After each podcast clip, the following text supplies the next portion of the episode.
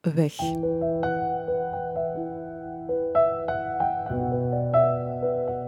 Deze podcast begint omdat zoveel dingen eindigen. Omdat je onderweg zoveel kwijtraakt. Als iets of iemand wegvalt, valt er vaak nog veel meer weg. Rouwen is ook een weg die je moet afleggen, seizoenen die je moet doorlopen. Wat je verliest is weg. Daar gaat het over. Over wat was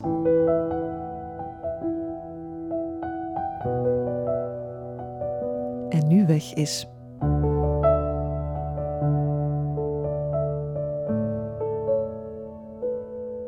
Vandaag heeft Jiska de weg gevonden. Dag Jiska. Dag Sophie. Dit is een heel bijzondere aflevering, want dit is een podcast, audio. En dat is iets intiems dat binnenkomt via je oren. En daar draait jouw verlies net om. Want je hebt zwaar gehoorverlies. Jij flirt zelfs met doofheid. Ja, dat klopt. En dat is al zo sinds je geboorte, hè? Ja, um, ik ben sinds de geboorte eigenlijk matig slechtoren. En in de jaren is mijn gehoor nog uh, meer achteruit gegaan. Dus sinds um, twee, drie jaar ben ik eigenlijk uh, medisch gezien doof. Ik heb het gehoorverlies van een doof iemand. En hoe heeft dat jouw leven beïnvloed? Um, dat is een, uh, een, een, vraag. Ja, dat is eigenlijk een, een, een je groeit daar ook in. Het is niet dat je van de ene dag op de andere dag dood bent.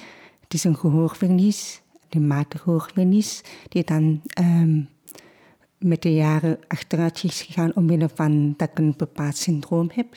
Dus in zes jaar heb ik ontdekt dat ik een syndroom van Mondini heb. Het EVA-syndroom eigenlijk. Uh, maar in die tijd was er eigenlijk nog niet veel van gekend. Ze wisten toen ook niet dat een klap op je hoofd, een hoofdtrauma, uh, dat dat kon leiden tot een gehoordaling. Dus zo heb ik in het eerste leerjaar had ik mijn eerste gehoordaling door een val op de spijplaats. En was mijn gehoor helemaal weg. Um, dat heeft zo'n zes maanden geduurd.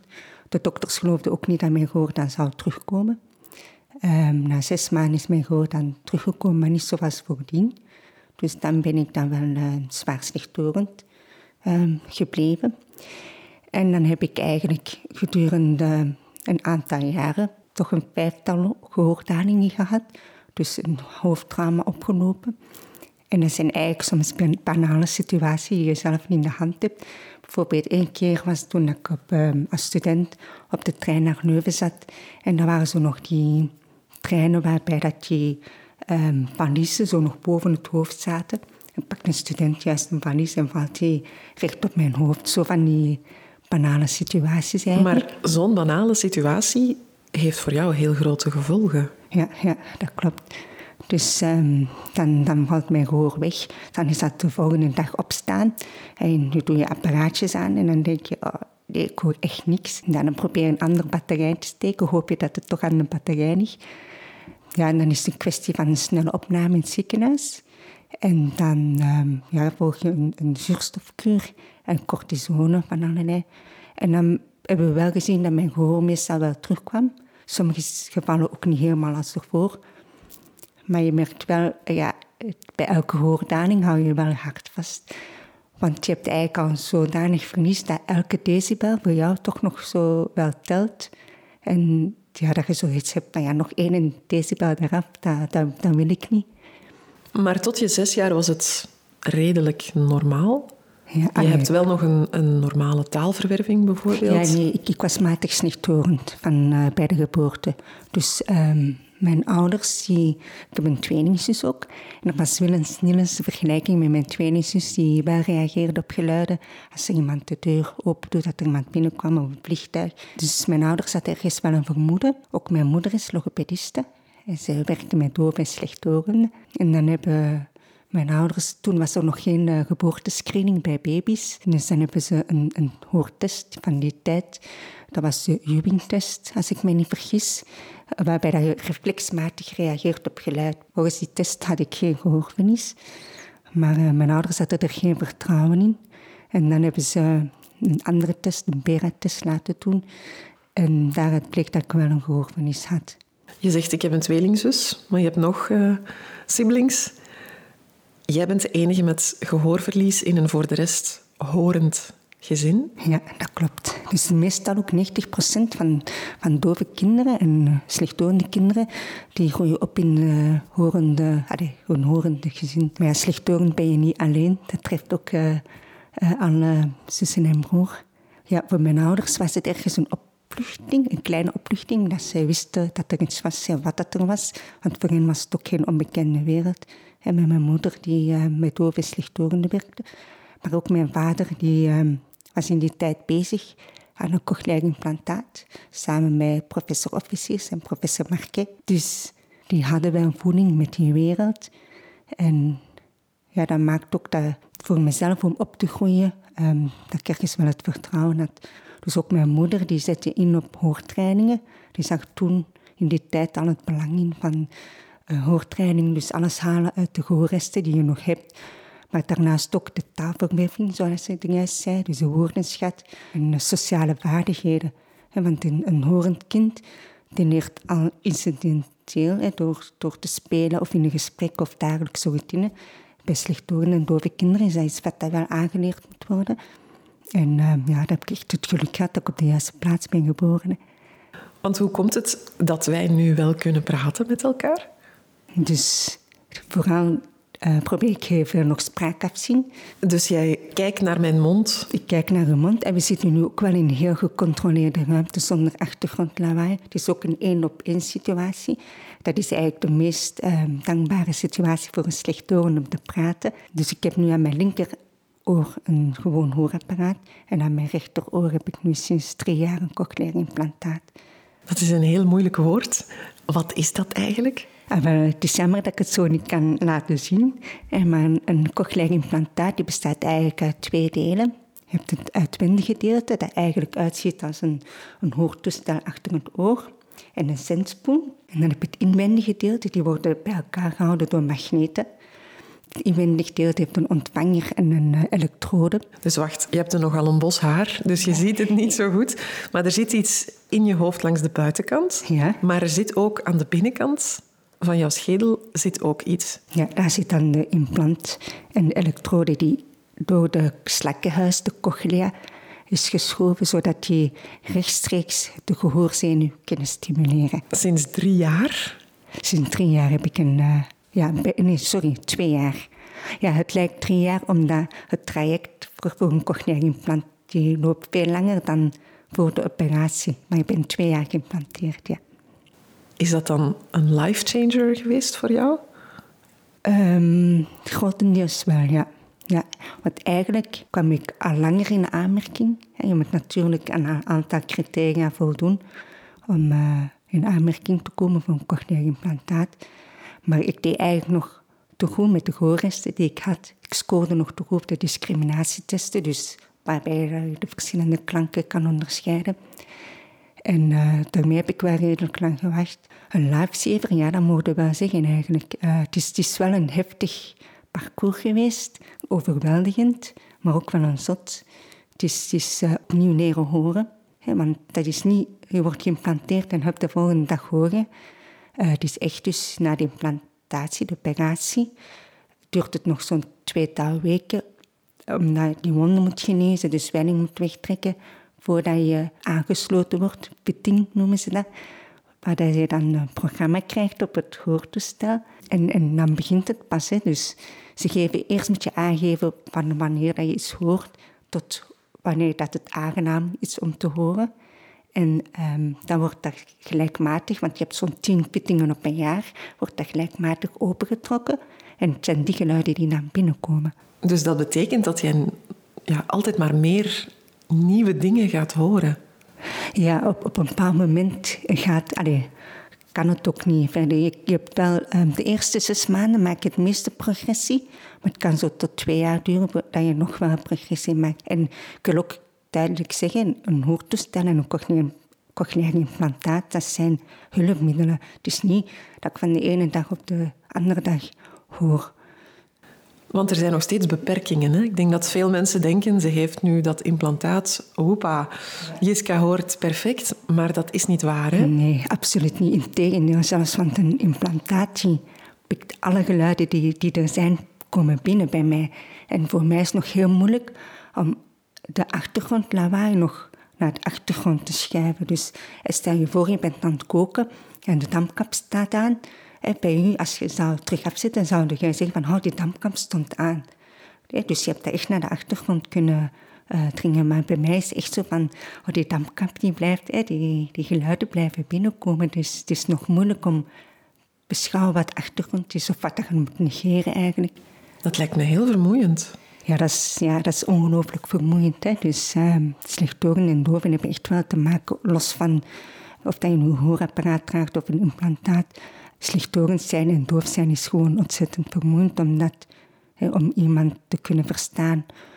Er is ook al een verschil tussen horen en verstaan. Dus je hoort dat er iets gezegd wordt, maar in de meeste gevallen versta je niet wat er gezegd wordt. Ja, het is echt ook de luisterinspanning, de moeite die je kost om, om iets te kunnen verstaan. Ja, dus je kunt wel stellen dat ik zo mijn slaap wel nodig heb om uh, op sommige dagen. En kan je dat afzetten? Bijvoorbeeld, je gaat naar een, een, feestje waar veel volk is en misschien wat muziek. Kan je dan zeggen, ik ga mijn implantaat uitzetten, want dat is te veel van lawaai? Ja, je kan zelf zeggen van, um, ik ga mijn implantaat, heb je zo'n app op je gsm, waarbij je daar kan focussen op de spreker voor jou, waarbij dat achtergrond wat gedimd wordt. Dus die technologie is wel onwaarschijnlijk, maar het blijft achtergrondlawaai dat binnenkomt, sowieso. Stoot jij veel op onbegrip? Dat ook, ja. En zelfs misschien kom ik over als onbeleefd als ik niet gereageerd heb op iemand die mij aanspreekt, dat ik het zelf niet wist. Onbegrip, um, ja, er is gewoon ook heel veel onwetendheid rond uh. Ik heb ook wel aandoende moeten leren van dat communicatie ook belangrijk is. Dus je hebt die hulpmiddelen van uh, hoorapparaat, hoortoestel, maar ook naar anderen communiceren van, ja kijk, ik ben slechthorend, uh, maar ik kan goed liplezen. Als je duidelijk articuleert, kan ik je goed verstaan. Of voor sommige mensen helpt herhaling, of kan het met andere woorden zeggen. En ik merk wel, zeker met corona, heb ik nog nooit zoveel moeten zeggen dat ik slechthorend ben. Door de mondmaskers? Door mondmaskers, maar dat geeft het wel aan hoe, hoe, als, hoe dat je zelf communiceert naar andere mensen toe dat die onwennigheid ook een beetje wegvalt. Van, de andere die reageert van oei, die is, die is doof of slechthorend, hoe moet, hoe moet ik daarmee communiceren? Maar als je aangeeft wat werkt voor jou, dat is wel een, een belangrijke... Voel jij een soort verschil tussen horende mensen en niet-horende mensen? Alsof dat twee werelden zijn? Ja, en, en wat ook is, als slechthorend zit je eigenlijk nog tussen twee werelden. Je hebt de, de dove wereld en dan heb je nog de horende wereld. Soms pas je goed in die horende wereld, zal ik maar zeggen. Uh, maar je kan niet mee met al die gesprekken in groep. Of, of je botst dagelijks nog op situaties die je moet nemen om, om allee, die ook moed en energie vragen. Uh, en, en dat zijn eigenlijk ook hindernissen die we eigenlijk zo van ontoegankelijkheid, die was vanzelfsprekend beginnen beschouwen. Ja, en dan heb je de dove wereld, dus ik ken eigenlijk niet veel persoonlijk dove mensen. Ik ben altijd opgegroeid in een horende wereld. Ik ben naar een horende school geweest. Dus jij is er eigenlijk tussenin. Ik herinner mij nog wel eens als tiener dat ik zo, soms iets had van, hoe kon ik maar zeggen dat ik doof was? Dan begrepen de mensen mij. Ik weet dat dat nu helemaal anders is, maar als tiener zat dat soms wel in mijn hoofd. Voelde je je heel anders? Want ja, als tiener zeg je nu, maar bijvoorbeeld naar een vuif gaan? Gewoon Ja, na vijf jaar, dat is eigenlijk bij mij zo meer in Leuven als student. En dan, is het vooral het liplezen. En soms kon je beter communiceren met anderen, omdat je wel kon liplezen. En de mensen konden niet verstaan omdat er te veel lawaai was. Dus dat had dan wel het voordeel. Ik kon soms van op een afstand iemand zien roepen of zo, of bij wijze van spreken. Uh, maar ik merk wel de laatste jaren, uh, zeker als er kinderen bijgekomen zijn, ook van... En dat, je, dat ik mijn grenzen moet bewaken. In die zin ehm, dat het mij overal wel energie kost om ergens te zijn. Dus bijvoorbeeld nu in het weekend ook, als, als ehm, de voetbalmatch van mijn zoon gedaan is, weet ik ook dat ik niet te lang in zo'n heel overvolle voetbalkantine moet hangen als de, de volgende dag een familiefeest hebben. Dus ja, dat is iets wat je ook goed moet ehm, in je achterhoofd houden. En soms ik dat wel, de keuzes die je moet maken van ga ik naar die activiteit of vroeger weggaan op een feest. Ik excuseer van ja, ik ga vroeger door, want... Uh, want we, we gaan er vrij los over, maar je hebt gestudeerd in Leuven. Ja. Dat lijkt me ook niet evident. Werden er speciale dingen aangepast voor jou of heb jij gewoon je plan getrokken? Ehm, laten we zeggen dat ik vooral mijn plan heb getrokken. Uh, er bestond wel zoiets als een dienst voor uh, studentenvoorzieningen, maar die waren vooral gericht op mensen met een rolstoel. Ik merk dat daar nu wel een heel grote verschuiving is. Toen waren er eigenlijk nog niet veel slechthorende doven die uh, verder studeerden aan de universiteit. Dus laten we zeggen dat ik daar zo wel meer mijn plan heb moeten trekken. Ik heb wel mijn audiologisch aan bijvoorbeeld wel tijdens een van de eerste lessen komen spreken over mezelf, over wat gehoorverlies inhoudt, uh, wat de studenten konden doen, docenten. En het voordeel is, um, ik studeerde ook aan een heel kleine faculteit, dus iedereen kende elkaar. Ik had ook een heel goede ombudsvrouw bij wie ik altijd terecht kon. Dat waren allemaal wel grote voordelen voor mij. Ik had ook een FM-apparatuur, dus waarbij de prof vooraan een uh, zender had en ik de ontvanger. Maar dat maakt niet dat ik ineens alles kon verstaan. Dus dat overbrugde enkel de afstand. Het leek dat hij dichter bij mij stond. Maar ik herinner me zo dat ja, zo'n lesuur duurde meestal een uur. Als het niet langer was. Dat ik zo de eerste tien minuten kon ik goed mee, maar dan verzwakte mijn aandacht. En, uh, dus ik heb me echt, ja, dat is kwestie ook vooral van zelfstudie. En vooral kopies van uh, medestudenten. En wat heb je gestudeerd? Ik heb archeologie gestudeerd. Dat is toch een diploma dat dubbel zoveel waard is? Ja, absoluut. Ja, ja. Maar ik doe eigenlijk niks met archeologie. Jammer genoeg. Um, er zijn heel veel van mijn jaargenoten die in het onderwijs gingen. Dat is iets wat ik niet meteen zag zitten. Ik werk nu op uh, Thomas More Hogeschool, op de dienst communicatie. Ook wel grappig voor een slechttoren. Um, ja, ik ben er heel, heel toevallig in uh, in. Ik doe vooral het deel van rond website. En um, voordat ik daar werkte, had ik een website gemaakt rond slechtorendheid.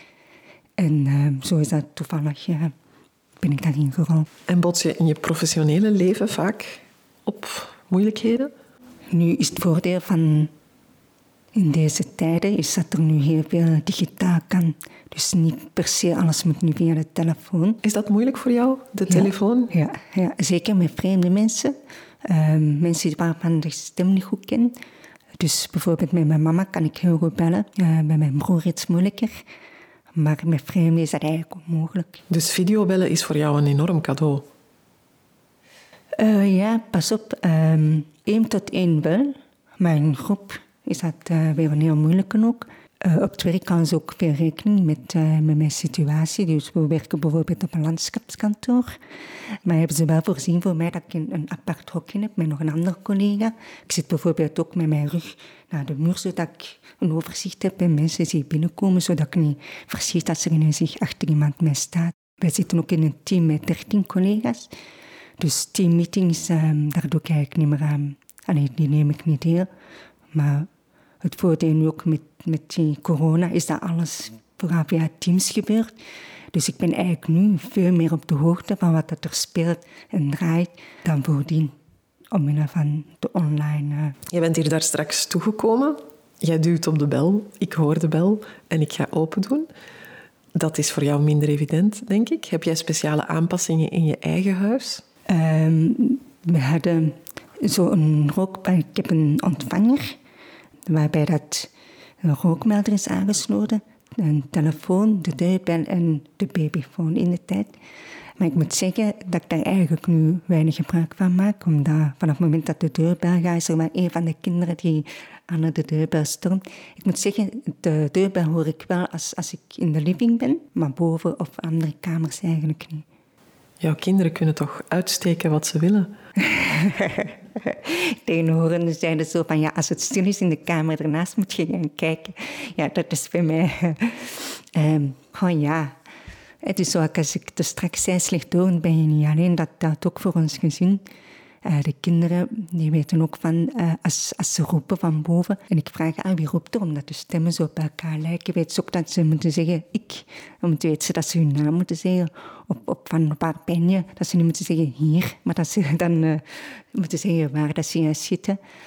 Maar die, die, groeien ook mij van, ik noem dat zo, mijn mama hoort niet goed reflex. Dus zo zaten we twee jaar geleden, was er een open les van de dansles van mijn dochter, de oudste dochter Lotte. En dus de ouders mochten komen kijken. En op een bepaald moment komt Lotte midden in de les naar mij gelopen. En dan zegt, ja mama, de juf heeft juist gezegd dat ze het licht gaan uitdoen. Dus je moet niet verschieten. Ja, dat is eventjes voor de dans. En dus ze loopt terug naar haar plaats. Maar ik was zo even... Van, je had gewoon een reflectie in die seconde van... Ah, mama, die gaat dat niet weten. Ehm, dat vond ik eigenlijk heel mooi om te zien. Ook tijdens corona, als, mensen mij aanspraken met mondmasker en ik had het totaal niet gehoord, wisten ze ook wel van, ik tik eerst mama aan. En ik zeg tegen de, de, bijvoorbeeld soms bij een specialist van, eh, ja, mijn mama hoort niet goed en mijn mondmaskers kan ze niet lezen. Um, en zijn er nog zo situaties. Ze weten ook als ik die kinderen in bed leg en het licht gaat uit, dan weet ik wel dat ze nog iets zeggen, maar versta ik ook niet wat dat ze zeggen. Dus heb dan terug licht aan als ze nog iets willen zeggen. Zo van, uh, heb je door je beperking getwijfeld over kinderen? Um, ja, ja, getwijfeld is een groot woord. want ik wou echt graag kinderen. Um, maar uh, bijvoorbeeld, hadden nou nichtjes en neefjes rondlopen. En ik verstond echt niet wat ze zeiden. En dat vond ik wel heel confronterend. Van, wat als ik mijn eigen kinderen niet ga kunnen verstaan? Los daarvan, wat als ik um, ook voor de veiligheid van mijn kind, als, als ik niks niet hoor wat, wat dat er is. Maar dan, dan was zo mijn mama die zei van, ja maar Jiska, jij, jij gaat als moeder ga je je kind perfect verstaan. Je gaat als geen ander je kind het best begrijpen. En dat had me wel gepakt zo van, uh, ja eigenlijk is dat wel waar. En dan hebben we onze kinderen ook een beperkt aantal gebaren aangeleerd. Uh, dus ik konden eigenlijk al enkele gebaren voordat ze uh, konden spreken. Dus ik kon duidelijk maken dat ze nog een koek wilden of nog melk of, of een boekje lezen. En voor hen is dat heel natuurlijk? Ja, absoluut. En, en voor hen is het ook een, een gevoelig onderwerp, vond ik zo. Als er iemand bijvoorbeeld op school zegt van... Hey, zijn jij doof of, of uh, of zo? Dat, dat, is voor hen heel persoonlijk. Hè. Die, uh, ja, dat, die kunnen heel gevoelig daarop reageren. In de liefde lijkt me dat ook niet zo eenvoudig. Om iemand te leren kennen. Nee, ik weet nog als tiener zo, mijn tweelingzus, um, als ze aandacht kreeg van de jongens, dat ik ook op een bepaald moment naar mijn mama stapte van oh, hoe gaat dat dan later zijn voor mij? Dat mijn mama ook zei van ja, die jongen die op jou gaat verliefd worden, die gaat verliefd zijn op wie dat je bent. En uh, ja, zo ben ik dan uh, tijdens mijn studententijd aan uh, Jan tegengekomen. Dat was een vriend van mijn broer. Die, die, toen hij met mij afsprak, denk ik ook niet dat hij helemaal door had wat, wat dat allemaal, mee, allemaal met zich meebracht. Dus hij is daar ook helemaal in moeten groeien. Maar uh, ja, dat is onwaarschijnlijk. Communicatie is heel belangrijk. En, en samen horen betekent voor ons nog, nog iets meer. Dus ja, bijvoorbeeld ook zo'n small talk, dat mis ik soms wel. Of um, zo s'nachts als we naar bed gaan en het licht gaat uit, mijn apparaatjes, dan hoor ik niks. En dan soms van, ah, ik moest nog iets zeggen of ik moest nog iets vragen. Dan weet ook van, dan por ik hem aan. En dan weet hem ook, ja, één keer tikken, twee, en nee, is twee keer tikken. Dat zijn van die, ik ga er heel creatief mee om, ook in sommige situaties. Of als er iets ergens is in de nacht of zo, dan tikt hem twee keer uh, heel hard aan. Zo had uh, ons jongste dochter zondevoeding als baby. En er waren heel veel nachten dat ze alles teruggaf of, of dat ze het zondebuisje lostrok. En dan die tikjes zo. Ja, dat is elke keer als ze die tikjes zo nog niet doet, dan, dan schiet ik zo wakker. Maar als jij slaapt, zet je dat helemaal af? Ja, dan, dan uh, hoor ik niks. Ja, ook, ook als ik in de douche sta, er zijn, allee, er zijn sowieso nog meer momenten dat ik echt niks hoor. Dat is soms wel zalig, of niet? Ja, dat, dat, dat, is dat mensen dan zo zeggen van oh, je kan me gehoord niks nachts in bed, dat is toch zalig. En anderzijds heeft ook wel die keerzijde van als Jan niet thuis is en ik ben alleen in bed, ja, dan, dan besluit er mij soms toch zo wel een angst zo van uh, ja, als ik niks hoor, dus zolang dat hij niet thuis is, hou ik mijn uh, apparaten zo wel in. Want bijvoorbeeld, ik zeg nu meteen misschien het ergste, maar een inbreker, dat zou jij niet horen. Die zou ik niet horen. Of, of ik herinner mij ook dat we in een bed en breakfast waren, Jan en ik. En op een bepaald moment was er brand naast ons. En uh, er kwam binnen iemand in onze kamer. En ik zie dat Jan en die persoon aan het praten zijn. Precies zo op rustig gemak. Ik dacht dat hem nog zo'n verrassing of zo had voorzien. En uh, ja, zo reageerde ze eigenlijk op rustige manier. Ja, er is het een teken van die apparaatjes aan. Maar ja, er is een brand hiernaast. Um, ja. Dus in, allee, ik weet in mijn achterhoofd dat er wel altijd zo'n uh, situaties zullen zijn, maar uh, ja. Hoe graag zou je echt gewoon willen kunnen horen? Ja, dat is een moeilijke, hè. Um, ik ben er ook van overtuigd dat die slechthorendheid, die doofheid, dat dat ook wel mij gemaakt heeft tot de persoon die ik nu ben. Dat dat mij gevormd heeft. En als ik aan mezelf denk, dan zie ik denk ik ook niet direct aan mijn, aan mijn uh. Ik, ik heb twee handen, dat is een onderdeel van mij. Ik heb twee handen, twee voeten en gehoorverlies.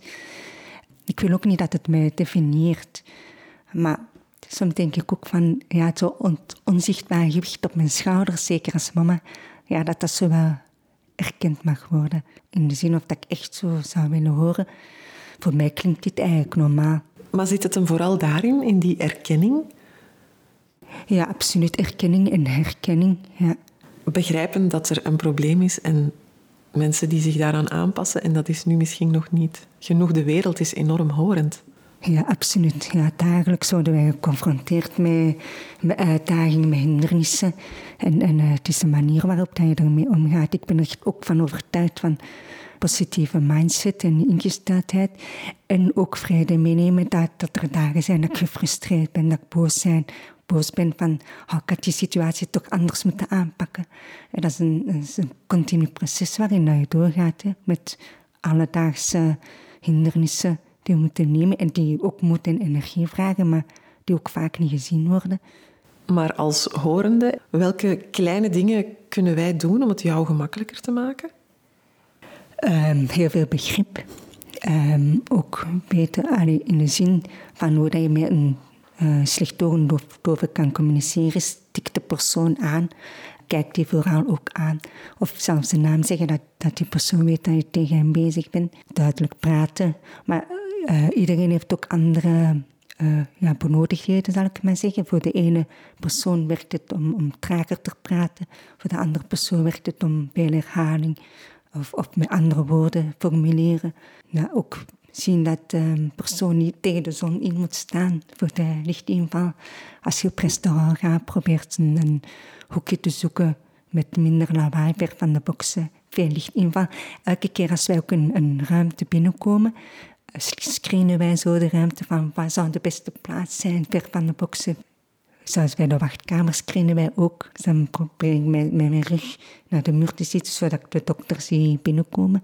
De dokters zijn soms zo geneigd nog eens te roepen vanuit hun kabinet. Um, dan weet ik ook als er mensen zo naar elkaar zitten kijken in de wachtkamer, er is naam geroepen. Maar ik probeer ook zoveel mogelijk bij de onthaal te melden van ja, ik ben slecht door, want ik ga de dokter niet um, horen. Allee, met zo'n kleine dingen aan mensen duidelijk te maken van ja, uh, wat helpt of wat niet. Dat de mensen ook op de hoogte zijn. Dat... Je zei daarnet, in een restaurant gaan we een, een rustig hoekje zoeken, ver genoeg van de boksen. Maar bijvoorbeeld muziek, kan jij daarvan genieten? Dat is ook een goede vraag. Cochleaire implantaten zijn eigenlijk ontwikkeld op spraakverstaan. Dus um, niet op, op muziek, maar ik geloof er echt wel in dat die technologie, die gaat ontzettend snel. Dat gaat nog wel komen. Maar muziek is echt bedoeld om te genieten. Dus om te antwoorden op jouw vraag, ja, ik geniet ervan, maar op mijn manier. Dus uh, ik zou niet horen of luisteren naar hoe dat jullie naar muziek luisteren. Maar uh, al betekent dat ik honderd keer naar hetzelfde liedje moet luisteren, omdat uh, dat is ook het leren horen naar een liedje. En ook als ik de, de muziektekst bij mij heb, uh, om het echt meer liedje te kunnen zien, dan kan ik echt meer en meer leren luisteren naar die liedjes. In de tijd weet ik nog van vroeger dat, dat mijn zus echt toch die tekst van die liedjes aan het opschrijven was. Je kunt echt gewoon via Google zoeken. Zelfs met Spotify kun je zelfs al... Uh... Maar jij beleeft muziek misschien even intens, maar op een andere manier. Ja, absoluut. Ik ben zelfs nu sinds twee maanden begonnen met pianoles. Uh, omdat, omdat ik mezelf wou... Uh, dat is zo nog een extra uitdaging. Ja, hallo. ik, zie het ook, ik zie het ook als een stukje van mijn revalidatieproces. Dat is nog waar dat ik in zit. En, en ja, geef een piano, de, de, de drie, vier toetsen naast elkaar, die klinken voor mij hetzelfde. Maar ik merk wel ja, dat, er, dat er wel een groei op zit. Hoe speciaal is het dat jouw papa meegewerkt heeft aan de ontwikkeling van dat implantaat? Ja, toch ergens wel heel speciaal ook. Allee, voor hem was zo de cirkel wel rond als ik mezelf uh, implanteerde. Want ja, je moet weten, in die tijd dat hij daarmee bezig was, wist hij niet dat hij een slechthorende dochter ging hebben. En in die tijd waren dat implantaten eigenlijk ook enkel voor de volledig doven. Dus uh, ja, ik denk dat hem toch wel stiekem een beetje fier op is. Maar hij is wel heel bescheiden. Daarom. Heb je erover getwijfeld om het te doen? Of, of was het meteen van, ja, ik kom in aanmerking, uiteraard ga ik daarvoor? Ja, ook omdat, omdat ik de vertrouwen er ook wel in had. Want je laat wel in je hoofd snijden. Ja, ja. Dat is toch niet evident? Nee, dus, um, ja, dus eigenlijk hoor je mijn hersenen. En, en dat is iets ja, dat dat direct naar je gehoorzenuw gestimuleerd wordt. Dat is ook wat ik merk als ik mijn implantaat uit doe. S'avonds die gehoorzenuw, die voel ik echt nog in overdrijf gaan. Na zo'n hele dag intensief geprikkeld te zijn. Maar nee, ik heb nooit getwijfeld. Ook omdat drie jaar geleden moest ik op zoek naar nieuwe hoorapparaten. En ik zat toen echt aan het, maximum van het krachtigste hoortoestel. Toen zat ik echt in mijn achterhoofd van... Uh, ja, als dit niet gaat, dan, dan ga ik over voor een implantaat. En dan kwam corona. Dus uh, ik ben echt midden in corona geïmplanteerd. En dat is eigenlijk, dan zeggen ze ook van nadat je geïmplanteerd bent, probeer zoveel mogelijk buiten te gaan, onder de mensen, om die prikkels te krijgen, om te leren horen.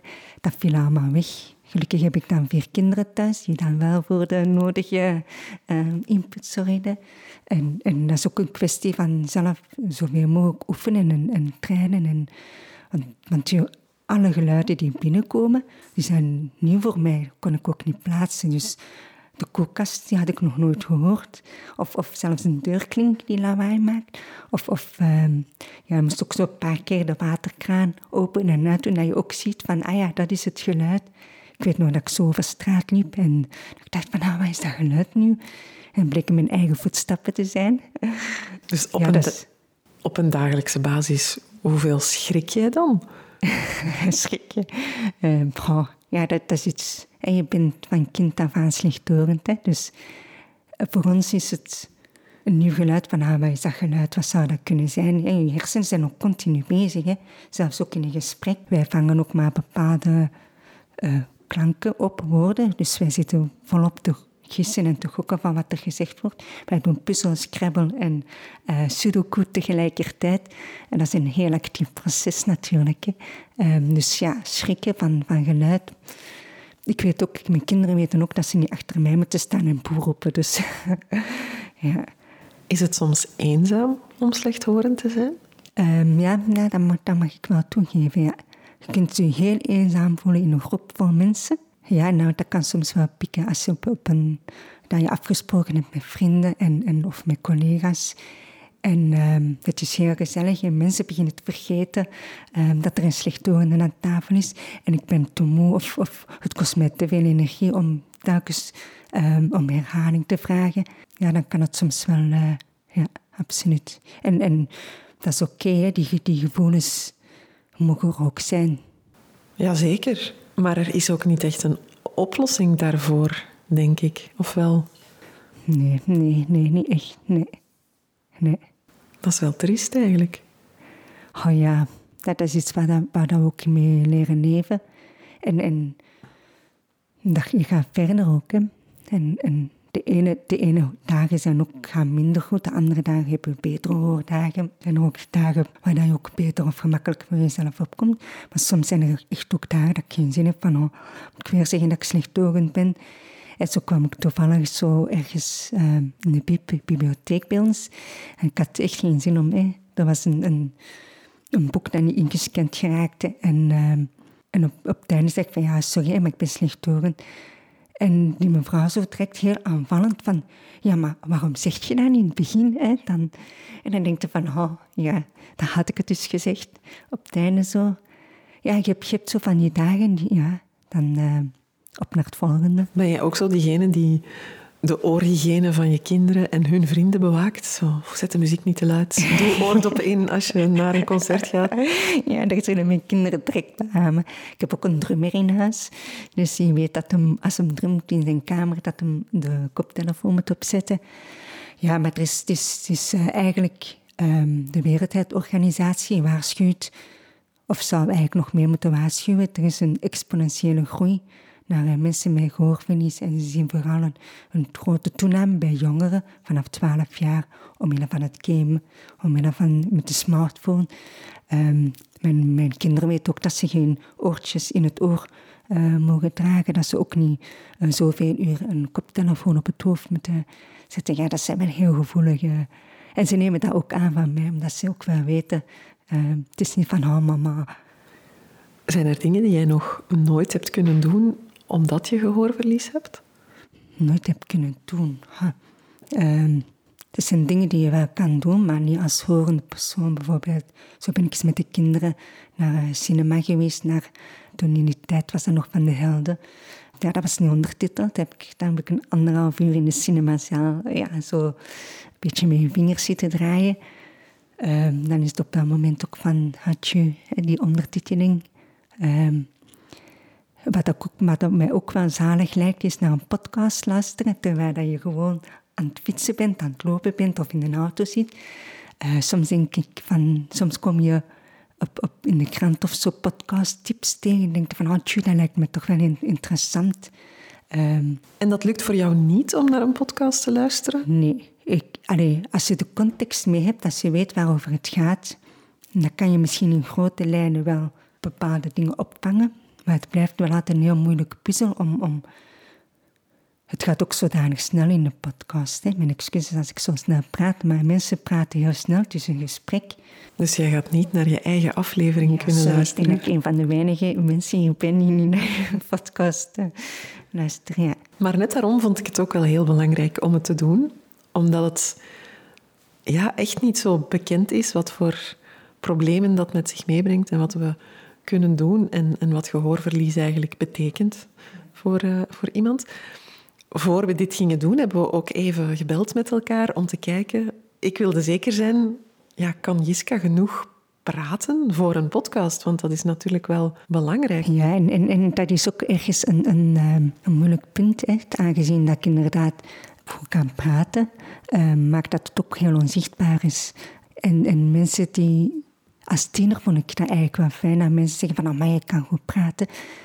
Maar nu heb ik het er soms moeilijk mee, omdat dan wordt ineens jouw ehm, dagelijkse strijd en identiteit wordt eigenlijk helemaal een beetje ja, geminimaliseerd, is veel gezegd. Maar, of, of van, je ziet het niet, je hoort het niet, dus alles is oké. En dat is iets wat mijn ouders ook wel veel gehoord hebben. Van ja, maar ze hoort toch, ze praat toch, er is toch niks. Uh, dus ja, mijn ouders hebben echt wel moeten vechten. Uh, ook om, omdat ze mij eigenlijk naar het onderwijs uh, wilden sturen.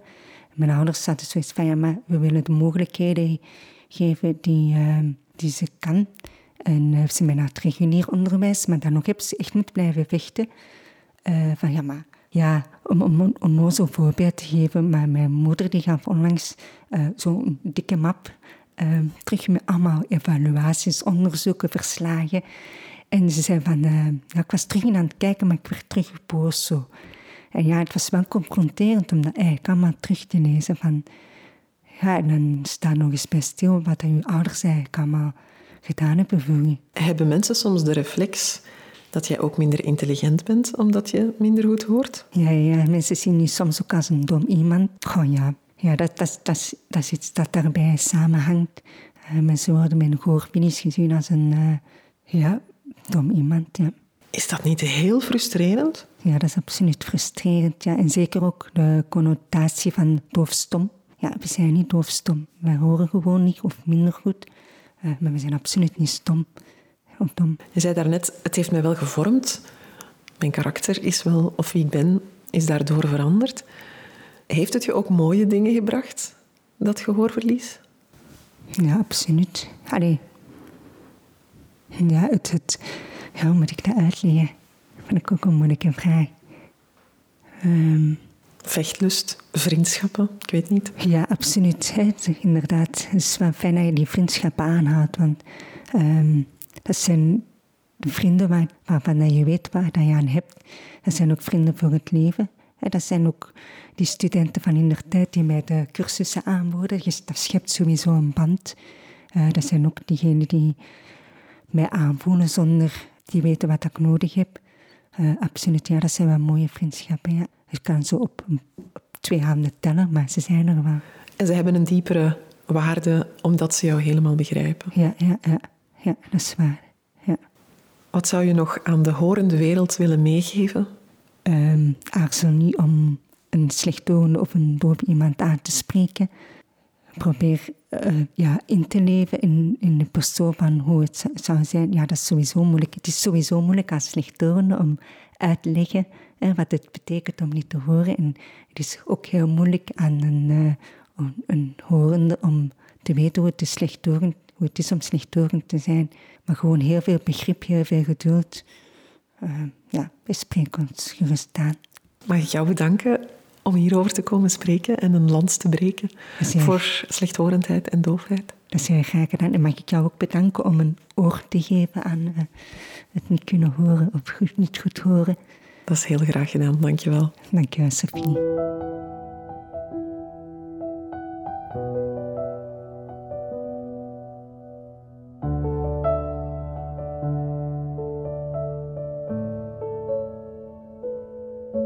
Ben Sophie Verschuren en ik maak deze podcast helemaal alleen. Van eh, research tot redactie, opname en montage. Ik doe het allemaal. Dat is ongelooflijk veel werk, maar ik doe het met hart en ziel.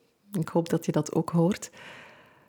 Als je er iets aan gehad hebt, dan zou het heel fijn zijn als je dat deelt met mensen. Want alleen zo kunnen we rouw en verlies nog meer bespreekbaar maken kunnen we die pijn verzorgen en ook samendragen, waardoor die lichter wordt. Het kan enorm helpen om weg een goede review te geven in de app waar je geluisterd hebt of om overweg te vertellen op jouw eigen sociale media of tegen vrienden of de buurvrouw of de bakker.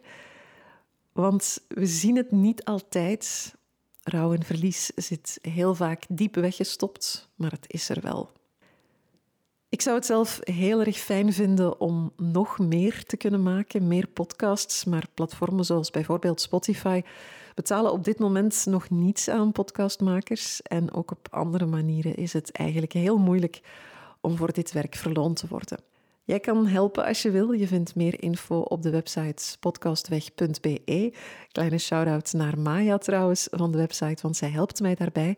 En daar kan je ook, als je dat zou willen, iets kleins of iets groots doneren. Maar vooral blijf praten over wat weg is en wat je mist. En heel erg bedankt om te luisteren.